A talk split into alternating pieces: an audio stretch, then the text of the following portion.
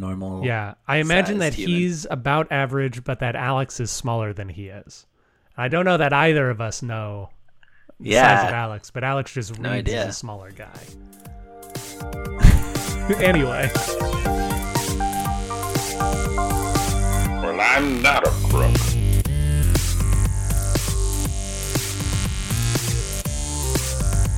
but because they are hard. Welcome to Presidential Deathmatch, the only presidential debates that matter. Today's headlines prenatal travel tips. Dennis is a trusting fellow, and a hydra of Kennedys. Which candidate best deserves a memorial, John Wolcott Phelps or Hubert Humphrey? All that and more on today's Presidential Deathmatch.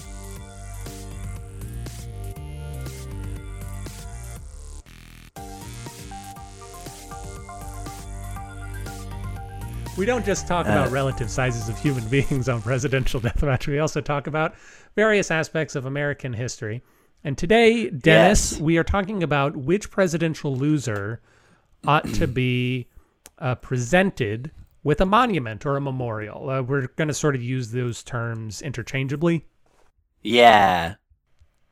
Uh, they're not exactly uh, in, interchangeable in, in real life, but for for our purposes, a monument is as good as a memorial. Yeah. I like that. Yes, because and this is of course coming up because Aaron went to DC for the first time. Not for the first time, but the first time in a while. the first time since you were born. Yes, that is true. I went a couple of times before I was born to DC. Some people said that I had been in DC two times uh, in between when I was born and when I went a couple weeks ago. We have not been able to uh, confirm the veracity of those reports. No one wrote it Yeah, down. no one wrote it down. We learned last week. That's something we're not retracting, although we do have a lot of retractions for this week. All, all in due course. But I uh, went to DC, home of monuments and museums and memorials, and we saw a lot. When we get to our main segment, we're going to talk about some of the memorials I saw, what was nice, what wasn't nice, and and who should be honored with one. But before we get there, Dennis, who have you chosen as as the presidential loser most deserving of a memorial? Today was fun because two of my closest band geek friends growing up were uh, my friend Aaron Butler and my friend Paul Phelps. And I found myself trying to choose between Butler and Phelps on our list. Yeah, And I went I went Phelps. Phelps. And it, it that has nothing to do with my personal relationships. No, of course not. John Wolcott Phelps. A real human being who existed. Yes, from 1813 to 1885. Ooh. I was looking for Union Army people. Okay. Number one thing that's true about most statues is that it's someone Someone's who on a horse. violence at some point. Yeah. That's true. So It is mostly right, men some- in statues, and I imagine most men have committed violence at some point. Yeah. Women, when I was in the Caribbean, women, when I was in the Caribbean, there was um, some cool statues of women, but they were, uh, But they were all holding spears with heads on them.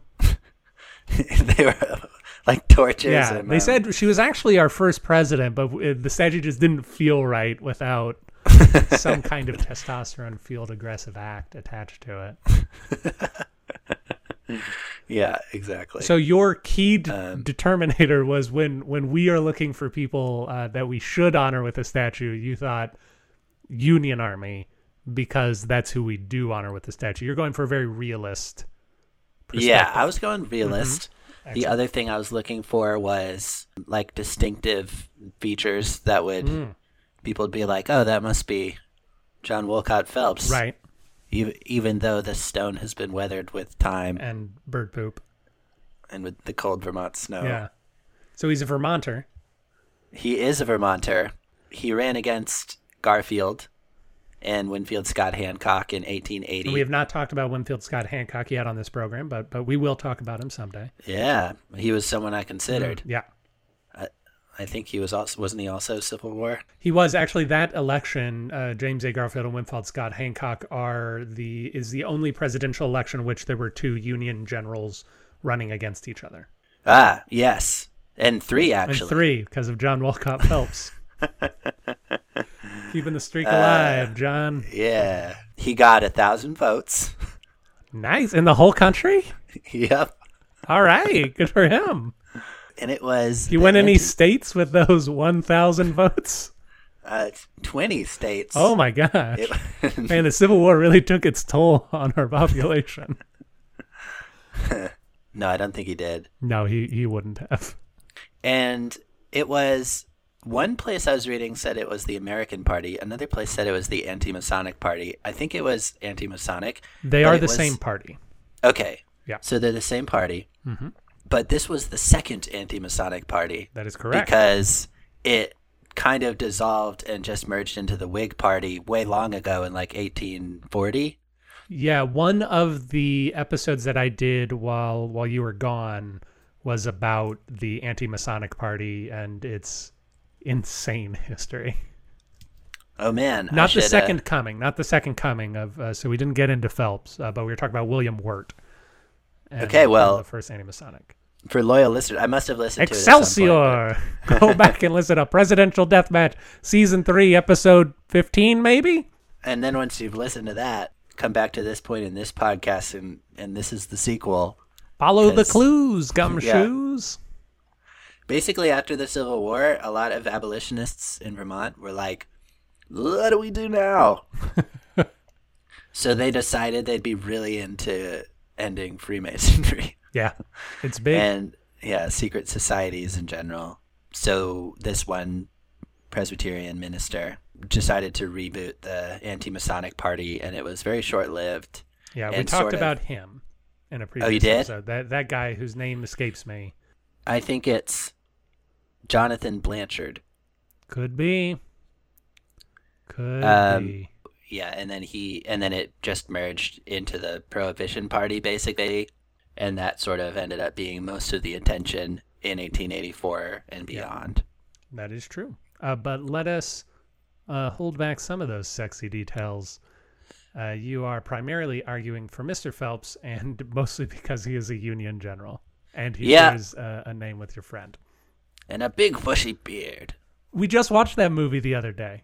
Oh, really? Yeah, on Tuesday we rewatched Hot Fuzz. Word is there's going to be a sequel. What? I know. I'm gonna have to tell my friend because I was trying to get. She doesn't like movies, and I was trying to say you're gonna like Hot Fuzz. Trust me, I know you. You're gonna like Hot Fuzz. She did. Uh, but we're not here, unfortunately, to talk about Hot Fuzz. We're here to talk about Hubert Horatio Humphrey. He ran for president in 1968 against Richard Milhous Nixon. Dennis, do you know who won that election? Nixon, That is correct. in a way. No, that was the one he won legitimately. Well, he sort of won it legitimately. He told uh, the South Vietnamese or the North Vietnamese not to make a peace treaty because he'd give them a much better treaty, which meant that they cut off peace talks with the Johnson administration, and then Nixon did not follow through, thus prolonging the Vietnam War for another four or five years. Um, so in, in a way, he cheated, um, but but there wasn't any sort of tampering involved with that particular election. And it depends how we define win. Right. well. I define it by whoever got a majority of electoral votes. Uh, Yes. In this particular case, uh, if you would like to entertain other definitions of the word win, I suppose we can do that too. Uh, Uh, but he was alive from 1911 to 1978. He was a longtime senator.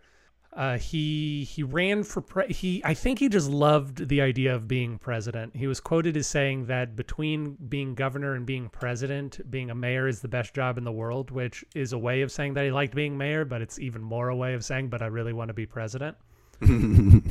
and uh, the the key reasons why I think Mr. Humphrey should be honored, or uh, Vice President Humphrey, I should say, should be honored with uh, a monument or a memorial is that he is the sort of person that we claim to respect. But as we will see when we begin to dive into his history, he's also the sort of person that we just ignore in American politics. So he's the guy who who does everything that we say that we want, but then we uh, we abandon him in in favor of the flashier Kennedys and, and things like that. And, and I do think that he accomplished quite a lot, like an, actually an amazing amount, uh, has uh, a lot of relevance to today, uh, and and generally ought to be uh, considered more highly. Uh, but we will we will dig into that yeah, as time goes on. I'll say the same for for Phelps. Oh, th and the real reason I didn't choose Butler in place of Phelps is that I found a Benjamin Butler memorial. Oh, I see. Gotcha. So So in good conscience, you can. Yeah. I suppose this is a good time for me to say that there is a statue of Hubert Humphrey outside of the state building in Minnesota, and there is a building named after him in D.C. It's not a memorial, but there's the Humphrey Building. It's where we have Health and Human Services. What is he being violent against? Uh, the statue. racism. He's like beating on a. Yeah, he's fighting. Uh, again, we'll get into it, but he's fighting a Hydra that is uh, racism and world hunger and uh, the Kennedy family. but the problem is, once you kill one Kennedy, like Ted Kennedy pops out and, and Robert Kennedy pops out, the Kennedys just they keep coming, and they don't stop coming. Played to the rules and you hit the ground running, et cetera, et cetera. So we will be talking about those men as well as the monuments, memorials that we have seen in our lives. But first, Dennis, I think you know what we have to do. Yes, we got to throw a baseball through the window. Crack of the bat. I assume a pitcher is pitching the ball and we're trying to hit it into a window. So Yeah. Uh oh, fly ball. I got it. I got it. I got it. I got it. I got it. Whoa. Oh, sorry. I caught the retraction box. Oh, phew. Yeah, I thought it was a foul ball. Turns out it was the traction box, and we're all out because we all made mistakes last week. so the the first thing I need to talk about, Dennis, is uh, just literally a straight up mistake that I said, an, an Oh, okay. actual retraction, which is uh, I said John Rutledge's younger brother was named Sam Rutledge, and we repeated it several times. His name is definitely Edward Rutledge, and I definitely wrote Edward Rutledge in my notes. But when I read his name, it came out as Samuel Rutledge. Hmm. Don't know why. Maybe because all the Sam Adams talk. Maybe so. But Edward Rutledge is the character in 1776. Edward Rutledge is a signer of the Declaration. Edward Rutledge is the younger brother of John Rutledge. And, uh, and that is a Interesting. straight up retraction. Also, another retraction. Uh, so, Dennis, this this season on Presidential Deathmatch, we're talking about presidential losers. And the way we compiled our list of about 196 candidates is whether someone was, we thought, culturally or electorally important enough to be counted as a presidential candidate. So, uh, Mr. Phelps only got a thousand votes, but we consider him cultural, the anti-Masonic movement, big enough, uh, and and also say the the Libertarian Party was not that big in its early years, but the party is important enough these days that we're going to go back and look at all the Libertarian nominees, how they got to here. Uh, there is a man who definitely should be on the list and is not. His name is Robert Harrison, and I assume he did not get it because the list of electoral vote getters I was looking at is alphabetical, and I imagine he got lost in the William Henry Harrisons and the Benjamin Harrisons. Ah, I And was I was gonna say it's because he was president. That's why it's not on here. Yeah, so there's just a field of Harrisons. So uh, since he is not on our list, and we will not be otherwise talking about this electoral vote getter, I wanted to briefly give a biography of Mr. Robert Harrison. In our first presidential election, 1788, he tied for fourth place with John Rutledge, who I spoke about last week. Ah, yes, certainly. He was born in 1745 and was Washington's lawyer before the Revolutionary War. Whoa. Yeah. During the war, he served as Washington's aide de camp and was later promoted to military secretary. Now, uh, Dennis, have you heard of this obscure musical called Hamilton? Yes. Yes. Okay. So if you remember in Hamilton, there's a song uh, called Right Hand Man where Alexander Hamilton is singing about how I don't want to be anybody's secretary. I want to fight stuff. I want to get a memorial later by punching things. And Washington says, but why don't you come and be my secretary instead? And Alexander Hamilton says, yes, I will do that. That is the job Robert Harrison did, and Alexander Hamilton only got the job after Robert Harrison was promoted out of it to military secretary. And then he says, "Don't call me son." Yes, exactly. Robert Call Harrison famously also time. yells that. Uh, he also spoke to Hamilton a lot uh, with military correspondence, obviously, and the two would work together negotiating for prisoner releases. After the Revolutionary War, Robert Harrison was named Chief Justice of the Maryland Supreme Court. He was often put up for promotions, but he always declined due to poor health. He was one of the he was named as one of the original justices to the Supreme Court along with John Jay and John Rutledge. but he declined to go on the court again because of his poor health. Hamilton convinced Washington to write a personal letter to Harrison to get him to reconsider. He did. He started the trip to New York and then he got sick and turned Oh, around uh, and he would die uh, in that next year 1789 at the age of 45 due to failing health. And that is robert harrison. Harrison, Maryland. I feel like Maryland is kind of like how you're describing this monument topic, hmm in that I should appreciate that it's like a state with its own history, yeah. but, But I somehow- kind of don't care about it. yeah what has maryland produced? Susanna eig what else maryland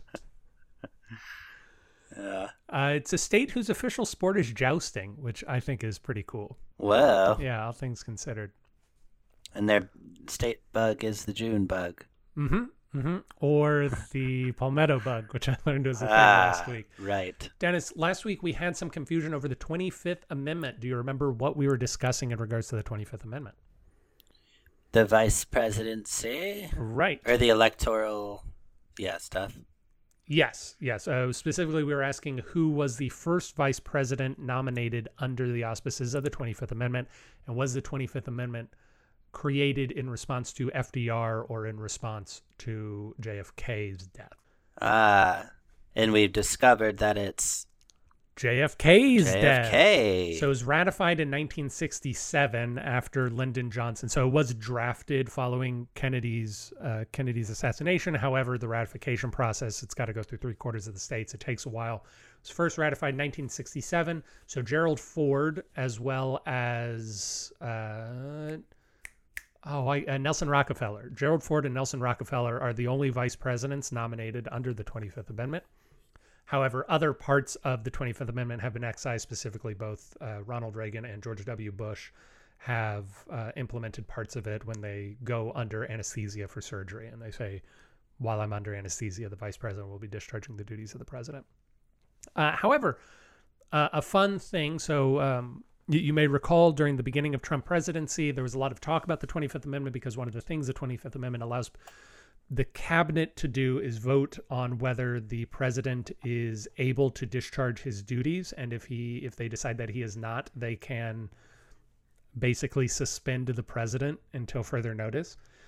It was 180 years ago. Um, this is uh, a speech that lyndon johnson made upon the full ratification of the 25th amendment it was 180 years ago in the closing days of the Constitutional Convention that the Founding Fathers debated the question of presidential disability. John Dickinson of Delaware asked this question What is the extent of the term disability, and who is to be the judge of it? No one replied. It is hard to believe that until last week our Constitution provided no clear answer.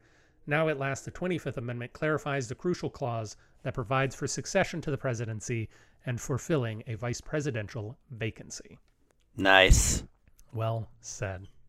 I watched Dave with Carolyn um, on July 4th to celebrate Independence Day. Yeah, as we all do. The of the- 1993 film Mhm. featuring Cal- uh, Kevin Kline and Oh, is it Kevin Kline? Weaver. Oh, I thought. It, oh, that's King Ralph. I'm thinking of King Ralph. Similar premise. it. it uh, have you watched Ted Lasso? Uh, the first season. It remi- same. It reminded me more of Ted Lasso Interesting. watching it back. Great film. Some uh, some relevance to this, truly. Oh yeah. Yeah. Well, oh, yeah. right, if you'll right, recall, because he gets knocked he- out. he's the presidential look-alike, and the Secret Service pulls him in. Yeah. Uh, but then within days of pulling him in just to like represent for the president in certain events where they think it's dangerous, he uh, the president has a stroke, and the chief of staff hates the vice president so much that he decides that he- he could be he could have all the power if he just convinces this Right. look-alike to be his puppet. But, But it doesn't work out that way. Much like Yeah. the Chris Rock film Head of State. Yeah, yeah. Villains in Because- movies, they're not going to be puppets for very long. Yeah, so he basically he realizes that he he just is the president. Yeah. and just as it all starts to unravel, he he starts to figure out all the things that he could do. Yeah. And I, I think we also learned that the vice president's a pretty good guy. Yes, Right, yeah. exactly. Yeah, yeah. He's Ben Kingsley. Oh, what a surprise twist. Gandhi. The actor who very questionably played Gandhi. He also the villain in the Prince of Persia film, but we don't need to consider that movie. Finally, Dennis, I had one last retraction for our retraction section. So Okay. I said something last week that you just accepted as fact, and I thought you were going to push back a little bit on me. Hmm. Well, you know me. I do. I'm a trusting fellow. So, Dennis, how many original states were there? How many states were there in the United States at the very beginning? Who got in on the ground floor? Um, the thirteen colonies. That is correct. 13 colonies, Whoa. 13 states. However, I said in 1788, 10 states participated in the first presidential election. Ah. Uh, And you were like, Dennis is gonna be like, wasn't it thirteen? Yeah, exactly. In exactly that voice as well. But you said, yep. I said, Wait a minute. hold on. So the question for you is uh, which were the three states that didn't participate and why did they not participate? And then I'm going to say some fun and terrible things about that election. Fun, interesting. Yeah. Well, Maryland, All right. You're guessing Maryland. And why did Maryland not vote? Because of uh the sickness, Mental sickness of the population. the sickness of the of the guy who's supposed to vote. Oh, I see. So, so you think that Robert Harrison was the only man in Maryland who was eligible to vote, but he was too sick. or someone so. else got caught the same bug. All right. know? So Maryland is uh, knocked out via plague. Yeah, All right. Who else? Georgia. Okay. Why Georgia? They were just sitting on the dock of the bay, Yeah, that's true. Watching the tides. and they just kind of got lost track of time. Yeah. Mm-hmm. Mm-hmm. That makes sense. Uh, so Georgia sitting on the dock of the bay did not submit their delegates in time. Maryland overwhelmed with sickness, and the third state was New York City. New York City, the state of New York City. trying to think of like real reasons. Was Vermont one of the thirteen colonies? It was not. Vermont was the 14th state. It wasn't, right? It was- yeah, yeah. because they were not into all that stuff. No, they weren't. They were too busy getting rid of Masons. Yeah, New Hampshire. I feel like New England all would have been there, and like Virginia. So yeah, I don't know. I mean, Georgia, literally just because of the distance, seems Yeah, Logical yeah, to that's me. fair. Uh, so I'm gonna say that you got, you basically got the reason correct for one of them. Uh, okay. but none of the states correct. So your home state of New York did not participate in the first presidential Oh, really? election That's because unimaginable to me. yeah, because they could not decide how to determine who would get to vote.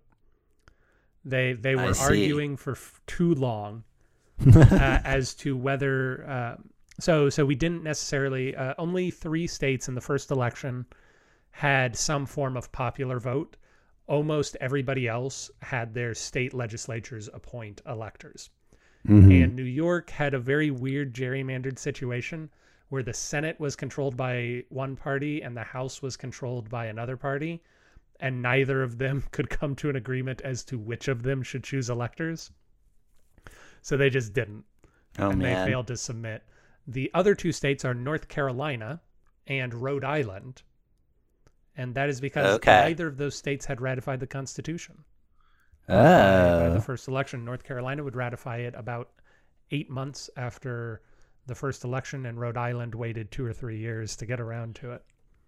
They're a bunch of rebels there. They are. They are. Uh, they, for such a small place, they are real rabble rousers. Yeah. If a state can have a Napoleon complex, Yeah. Rhode Island. So Well, it's like they just think of themselves. I feel like as like a colony of of anti. oh yeah, of of Or, anti um, yeah of uh, religious That's the word. dissidents and Yeah. yeah they they like wearing that on their sleeve. Uh, something I found out, Dennis, that the election of 1788, the presidential election, the first election under our Constitution, was also the first election in our country's history in which women and black people could vote. Uh, there were Whoa. Yeah, there were a number of states that allowed black people to vote if they were free. Uh, so, so you may remember that the almost every state had a requirement that you owned land. You you had Mhm. to own land land in order to vote, but that was pretty much the only stipulation. So, if you were a free black man who owned land, you could vote. in uh, three three states, I think. And if you were a woman in the state of New Jersey who owned land, you could also vote. Uh, and then, funnily enough, and by funny I mean very very sad. So in uh, New Jersey, 1785, I, I started looking up women's suffrage in New Jersey. 1980 or 1785, New Jersey says anyone who owns land can vote. And somebody said, even women? And they said, yeah, I guess. And then in 1790, New Jersey said, you know what? Let's update our constitution to make it really clear that women could vote. So they added in the phrase, whomever owns land, he or she is permitted to cast a vote and then uh, women were about 18 to 25 percent of the electorate, which is weird because they're like 50 percent of the population. Yeah. so it's a that's a weird disparity there. They were 18 to 25 percent of the electorate, and so whenever there was a tight race, the loser would blame women for why he lost. And eventually, New Jersey in 1807 passed a law and they said, hey, guess what, everybody? We're getting rid of the requirement to own land. So now we're just going to open up the floodgates to any men, any white men who want to vote. Isn't that great? And some people said, well, but previously women and black people could vote too, right? And they said, any white men can vote under this new law that we're passing. Isn't that swell? Uh, and so women and freed black people got the right to vote taken away from them in New Jersey in 1807. Man, that's a that's a classic tale. Tale as old as time. Yeah. Dennis, do you have anything before we throw this retraction box to home plate? Let's let's uh let's get it. Let's toss it in before Bobby gets there. Who's out? We did it. retraction box. Retraction box. The crowd goes wild. Yay. Presidential deathmatch regrets the errors. Speak softly. So Dennis, we're here to talk about monuments. More than that, we're talk here to talk about some men who deserve them. So I went around D.C., right? Uh huh. I saw a Washington monument. It's pretty cool. Yeah. I saw a Jefferson monument. It's a, It's a good one. it was a good one. I saw a Lincoln monument. That's a good one. My favorite monument I saw was the Eisenhower monument. That was a really neat one. What's that one?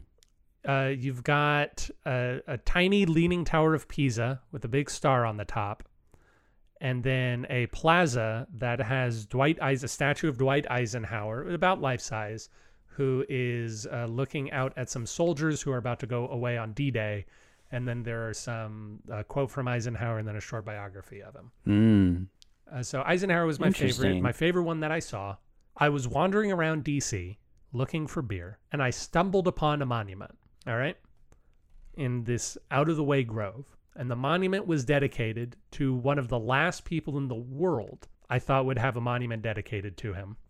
He is a presidential loser. Okay. He is a presidential loser uh, who who is dead, obviously, and he's a presidential loser we have not yet talked about on the show. And I want you to try and guess Oh man. which person I stumbled upon and thought to myself, why would anyone pay for this man to have a memorial? Yeah. The the fact that we haven't talked about them yet makes me really wonder because Well, we keep picking weird people like John Wolcott Phelps to to talk about. I don't know.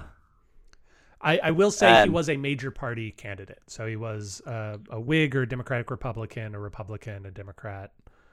Okay. He, he was one but- of the major party. But you were like surprised that he. Yeah, I was real surprised. When are we talking? We talking 20th century? Not 20th century. Okay. Was it this? I I, I just went ahead and pulled up this spreadsheet. Right. Was it uh was it um Samuel Tilden or like Winfield Scott Hancock? It was Winfield Scott Hancock. Ah, Indeed. I, and I, almost chose him. Yes, I know. And then you would have had to not to because you would have looked up and saw that he had a monument in D.C. yeah. But yeah, I was just walking along and I looked up and I thought to myself, is that Winfield Scott Hancock? Because I've got a problem.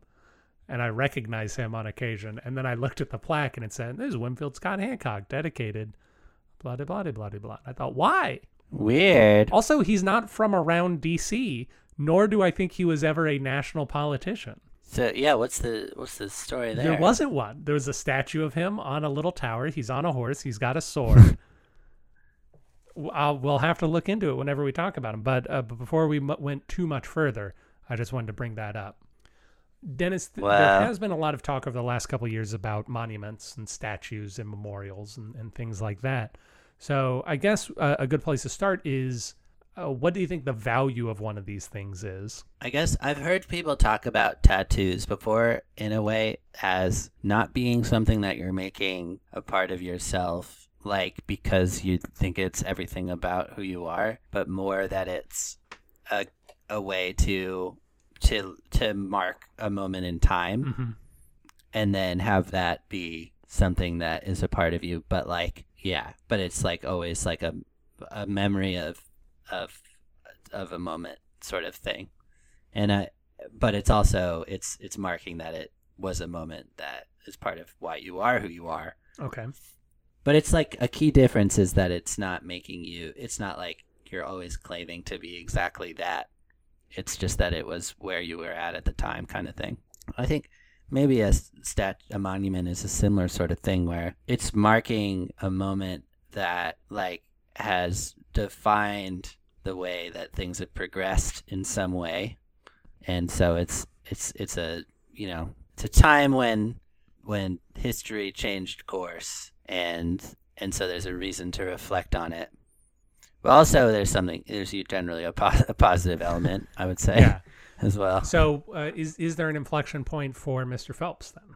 well the thing that i think that he that makes him monument worthy is that he really kicked off there there is a specific thing in history that i'll talk about but the, the really monument related thing that i thought was that i feel like you really kicked off the great vermont tradition of running in a third party and just being really staunch about like hating big business and things of that ilk Yeah. and kind of like just doing it to do it and having your your people in Vermont behind you and I I originally too when I saw that the Anti-Masonic Party is considered the oldest third party but then of course this was the second coming of it so It, it had it had died and died again. yeah yeah it's like far from being Can you explain Um, this 11 point plan that I see on your notes? well I can explain six of them because that's what I could find. Yeah, and it's yeah, prohibition. It's uh, is one of them. Abolition of Freemasonry, like we were talking about earlier. They got really into hating secret societies. Right. Hence, hence the name of the party. Uh, abolition of the Electoral College, going to just a straight up representative or a, A a direct democracy. Yeah. Uh, Bibles everywhere. See, this is the thing that confuses me a little bit because he was really intense about abolition and anti-slavery and stuff, which is great.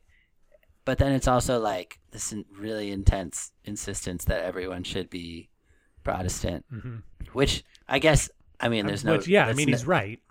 But like, let's not force it on people, right?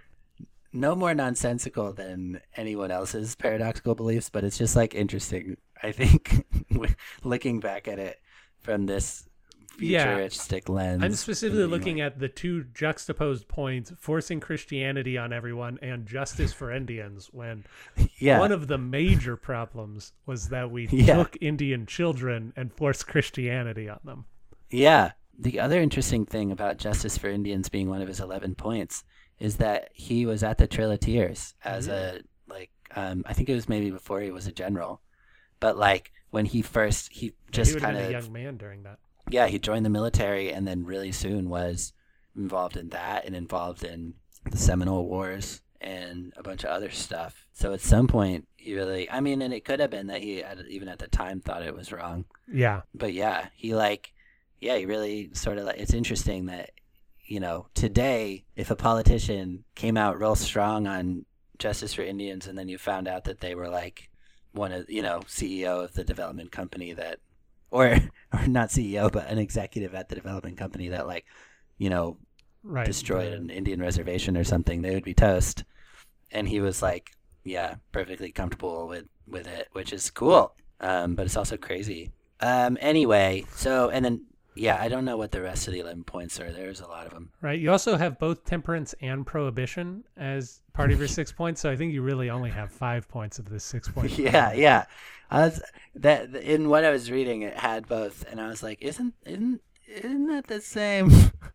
I think it might be. I, I don't. I'm not steeped enough. As much as I go to prohibitionist.org and look at the the latest events for the Prohibition Party from time to time. Speaking of, I wonder if they've got anything going on. uh, yeah, I, I do think that those are similar things. What did did Humphrey have? Does he have anything that you think really sort of like set a new American norm in, in motion? Oh, do I think that Hubert Humphrey has has anything? Why, yes, of course I do. So a few weeks ago, we learned that George McGovern was the architect of the primary system as we know it, which was kind of a surprise. It might be Hubert Humphrey's. Uh, it, it it is a thing that Hubert Humphrey did to bring black people into the Democratic Party. So in 1948, uh, when Truman is running for reelection, Hubert Humphrey speaks very passionately about how the Democrats need to adopt a uh, what they call a minority plank and say that we need to condemn the lynching that's going on in the South and we need to support civil rights and we need to support equal voting access. And like he's just saying, we need to bring all of these things for everybody, but specifically for black people. This is what causes the southern states to walk out of the convention of 1948. It's what causes Strom Thurmond to mount a third party bid. We spoke about him last year. And it is uh, part of the reason why people thought Truman was going to lose is because the South abandoned him so much because of Hubert Humphrey. But then black people turned out in droves for Truman also because of Hubert Humphrey. And uh, I think that is, in particular, uh, like if he did only Mhm. one thing, uh, being a person to say we we need this racial tolerance, we need to expand. Right.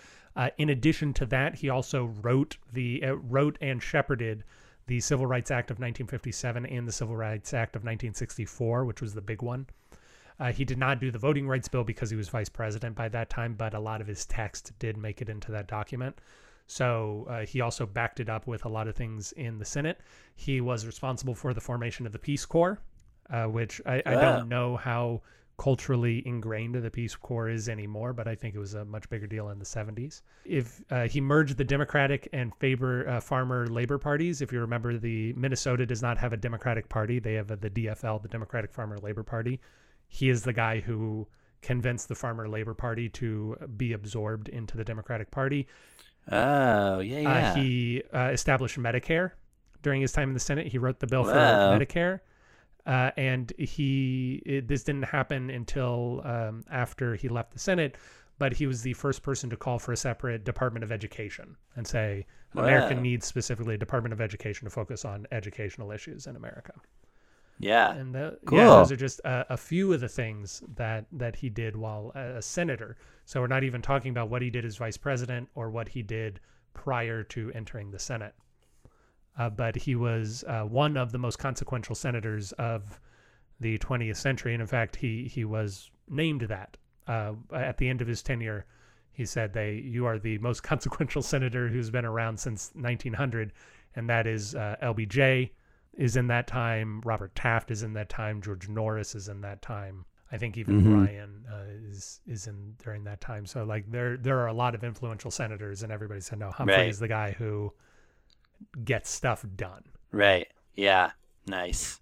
Well, the bringing up the the race, the civil rights stuff. Yeah. You know, rewinding a hundred years. That that was kind of the big thing with Phelps. That was interesting is that he he got really an abolition and and he did all those things as a soldier and stuff. So he was kind of he was pretty good in the military and everything like that. So then when the Civil War is coming, he's like all about it, and he uh, ends up being general of a group that he takes down to um, an island off the Gulf of Mississippi. And this is why I was looking at both him and Butler because Butler was his commanding officer Mhm. of that whole Mississippi area. And this, all the stuff that happened down there, I guess, was sort of like, at least from what I was reading, a lot of sort of the final driving factors that led to the Emancipation Proclamation. But before that happened, Phelps is gets down and he's he's a good soldier, so he's become a general at this point. He's also good at commanding soldiers, and I'm starting to feel like it's because of his uh, speeches and things like that. He's one of those kind of guys. Because one of the things that he's known for is the Phelps Emancipation Proclamation, Yeah. which is from before the Emancipation Proclamation uh, by a good bit, because it's just like the middle of the Civil War, and it was just what they came to call this speech that he gave to everyone to get him really hype about freeing slaves when that question was really still on the table Right. which like i don't think i fully appreciated about the civil war was that like there was still politicking about what the path forward would be Yeah. I mean, Um, technically, the Emancipation Proclamation, as Lincoln did it, didn't even free the northern slaves, of which, like, Kentucky still had slaves during that time. Mm, yeah. So it was like, yeah, I guess it was all pretty slow moving, but he was just he wasn't interested in that. He was like, slaves are free. So he ge- he gives this speech, um, which had some really interesting points in it. Um, so I was able to find a bunch of like quotes and such from it. He it said that uh, it was super like anti-monopoly Cool. um, be, like making the point, which I'm sure you've heard a bunch of times, but that like slavery was really anti-American, setting everything else aside just because it was basically the monopolization of labor because there was only allowing for big business and and if someone couldn't just like get started unless they had the funds basically to have a slave because it didn't make economic sense otherwise to try to compete Yeah. so it was it's interesting like angle on that argument which i guess at the time probably had really started to become a big part of it and a very vermonti argument and then he said he said um, our southern brethren will stand by slavery to the point of enslaving themselves Mm. and then kind of back on that previous point he said that manual labor is inherently noble and it's a human right that's being stolen away from the poor people of the south especially because they they can't just work Right. They, they can't compete a living. economically on that. yeah. So I thought it was it was interesting. So that was a lot of what his like, you know, his speech was to get everyone sort of hype. Sorry, I'm getting a little rambly, but anyway, he uh he ends up setting up camp, and since it's a Union Army camp in Mississippi, refugee slaves start showing up in all kinds of conditions, and he him and his troops are like, you know, taking them in, and he being w- passionate about what he does just starts like giving them extra weapons and training them and forming like platoons or whatever to fight in the war because he's like uh, or something. So uh, then he sends a message to butler and is like hey we're out of supplies because we have all these refugees and we're you know giving them weapons. And butler's like well you can't just like have them fight. We don't have the resources. And like they're you know but but then he says but we do have uh this like levee that just broke. Could you send them over to fix the levee and he like freaks out on butler and is like you're trying to make me like a slave driver and i'm not and i'm absolutely not going to do that. And butler's like dude chill. Bro. and then ends up having to send like equal amounts of white and black people from the camp to go fix the levee and then refuses still to give him supplies. So then phelps says fine then i resign. And butler's like well i don't accept your resignation. So then when he gets his next paycheck he sends his paycheck to abraham lincoln and says i'm returning this because i my i resigned but my resignation wasn't accepted. And he kept doing that uh, through the end of the war. And so then, when the emancipation, the final draft of the Emancipation Proclamation actually did include like a thing that said that like black people could be soldiers. Mm. And once they did that, they named Phelps as commanding general of all black Troops. Oh, that's cool. sol- all black troops. And then they, and that new uh, rank, that new title came with like a new salary. And he asked if he could have that payment backdated back to when he had stopped accepting paychecks. And they were like, no. that is a cool move. I, I like that one. yeah. yeah, it's funny. Um, and then he retired and just and he discovered that Blanchard guy that we talked about, and got really into hating the Freemasons. You know, once you've once you've freed the slaves, what is there left to do but take away alcohol and hate the Freemasons? yeah, and Mormons Yeah. He- well, who doesn't? really hated Mormonism Yeah. from an early age. Yeah. Good, good stock. Uh, that's a, a classic American pastime in the 1800s is hating the Mormons and making their life unreasonably difficult. Yeah, So Hubert Humphrey, uh, another one of the things that I like about here, I'm not going to be able to tell as involved a story because I've got more of a big, big picture view of Humphrey's life. But I, I view his life as one of quiet resolve and uh, cheerfulness in the face of difficulty.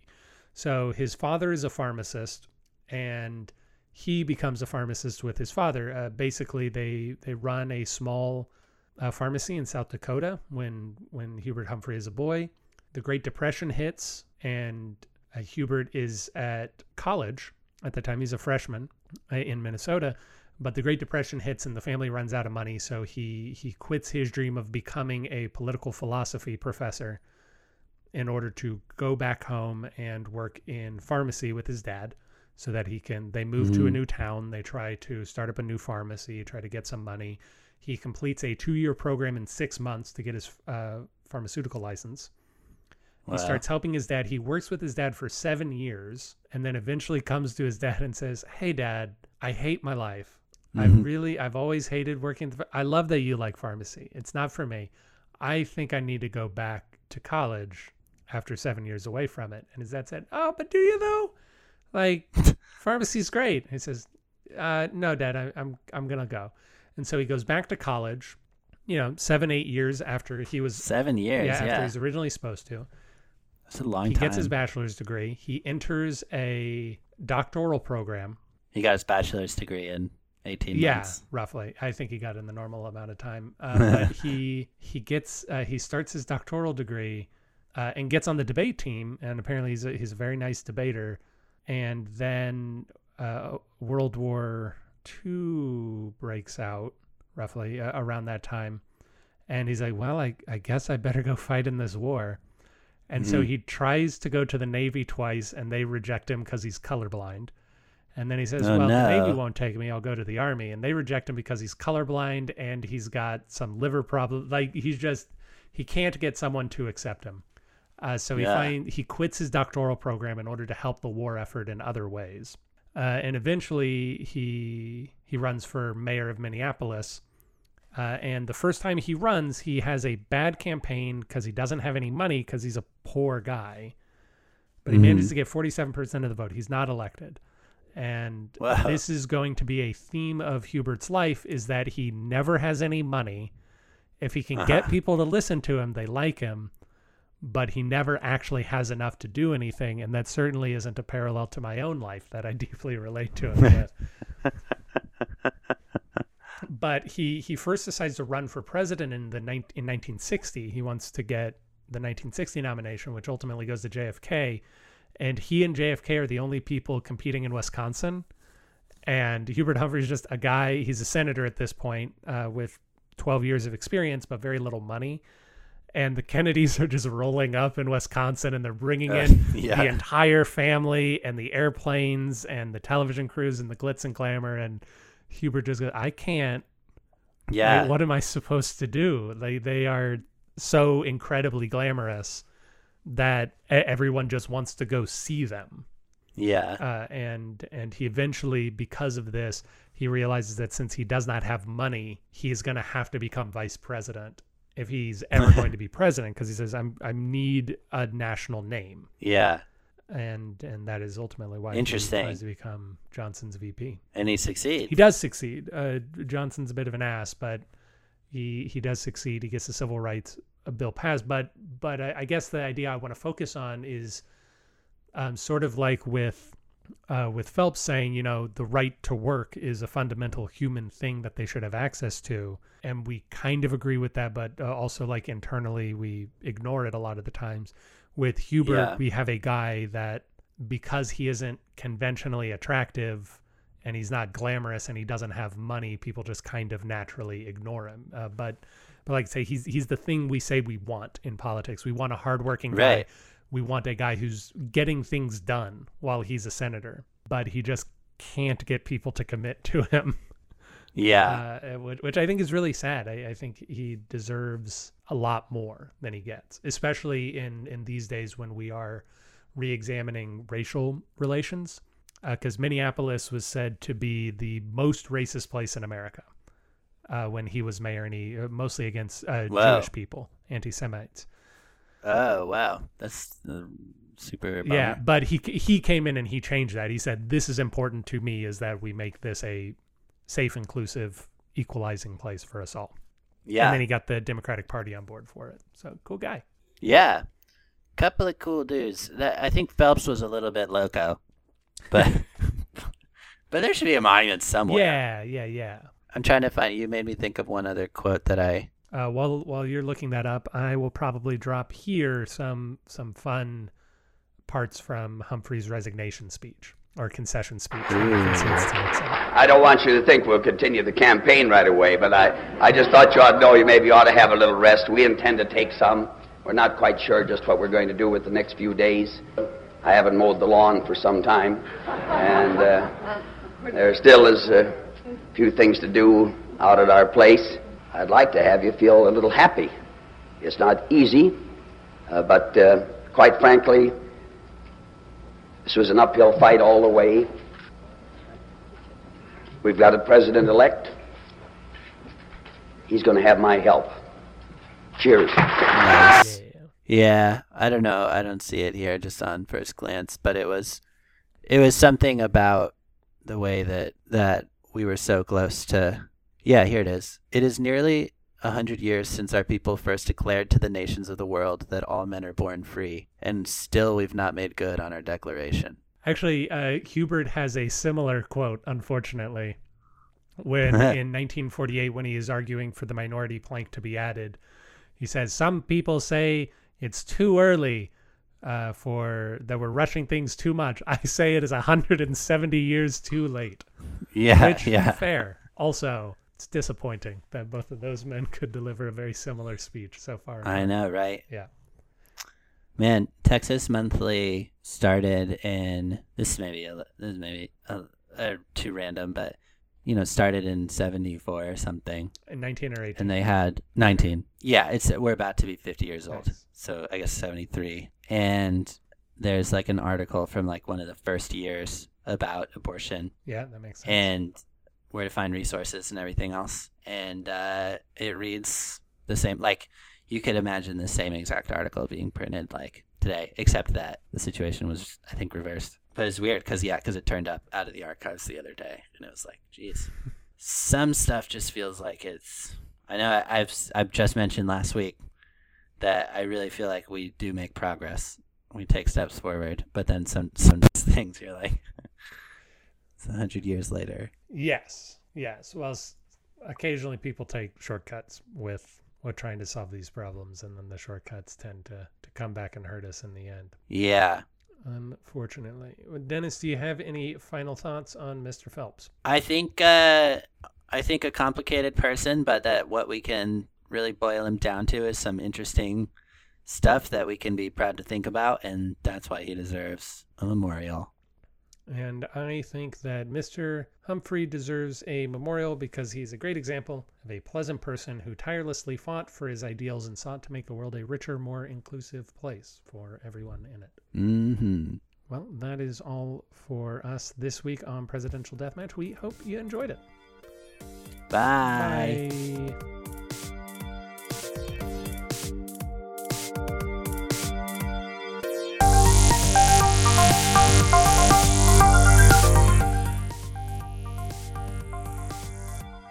Thank you for listening to Presidential Deathmatch. Presidential Deathmatch is hosted by Aaron Garrett and Dennis Buddy and edited by Aaron Garrett. If you like the show, please consider giving us a review wherever it is. If you can do that, we'd really appreciate it. If you didn't like listening to the show, well, why don't you come on back and give us another try? We really grow on you. If you want to reach out to us, you can do that at contact at pronoiatheater.com. You can also support the show in a variety of ways, including at pronoiatheater.com slash store. We hope you enjoyed it, and we hope to hear from you soon.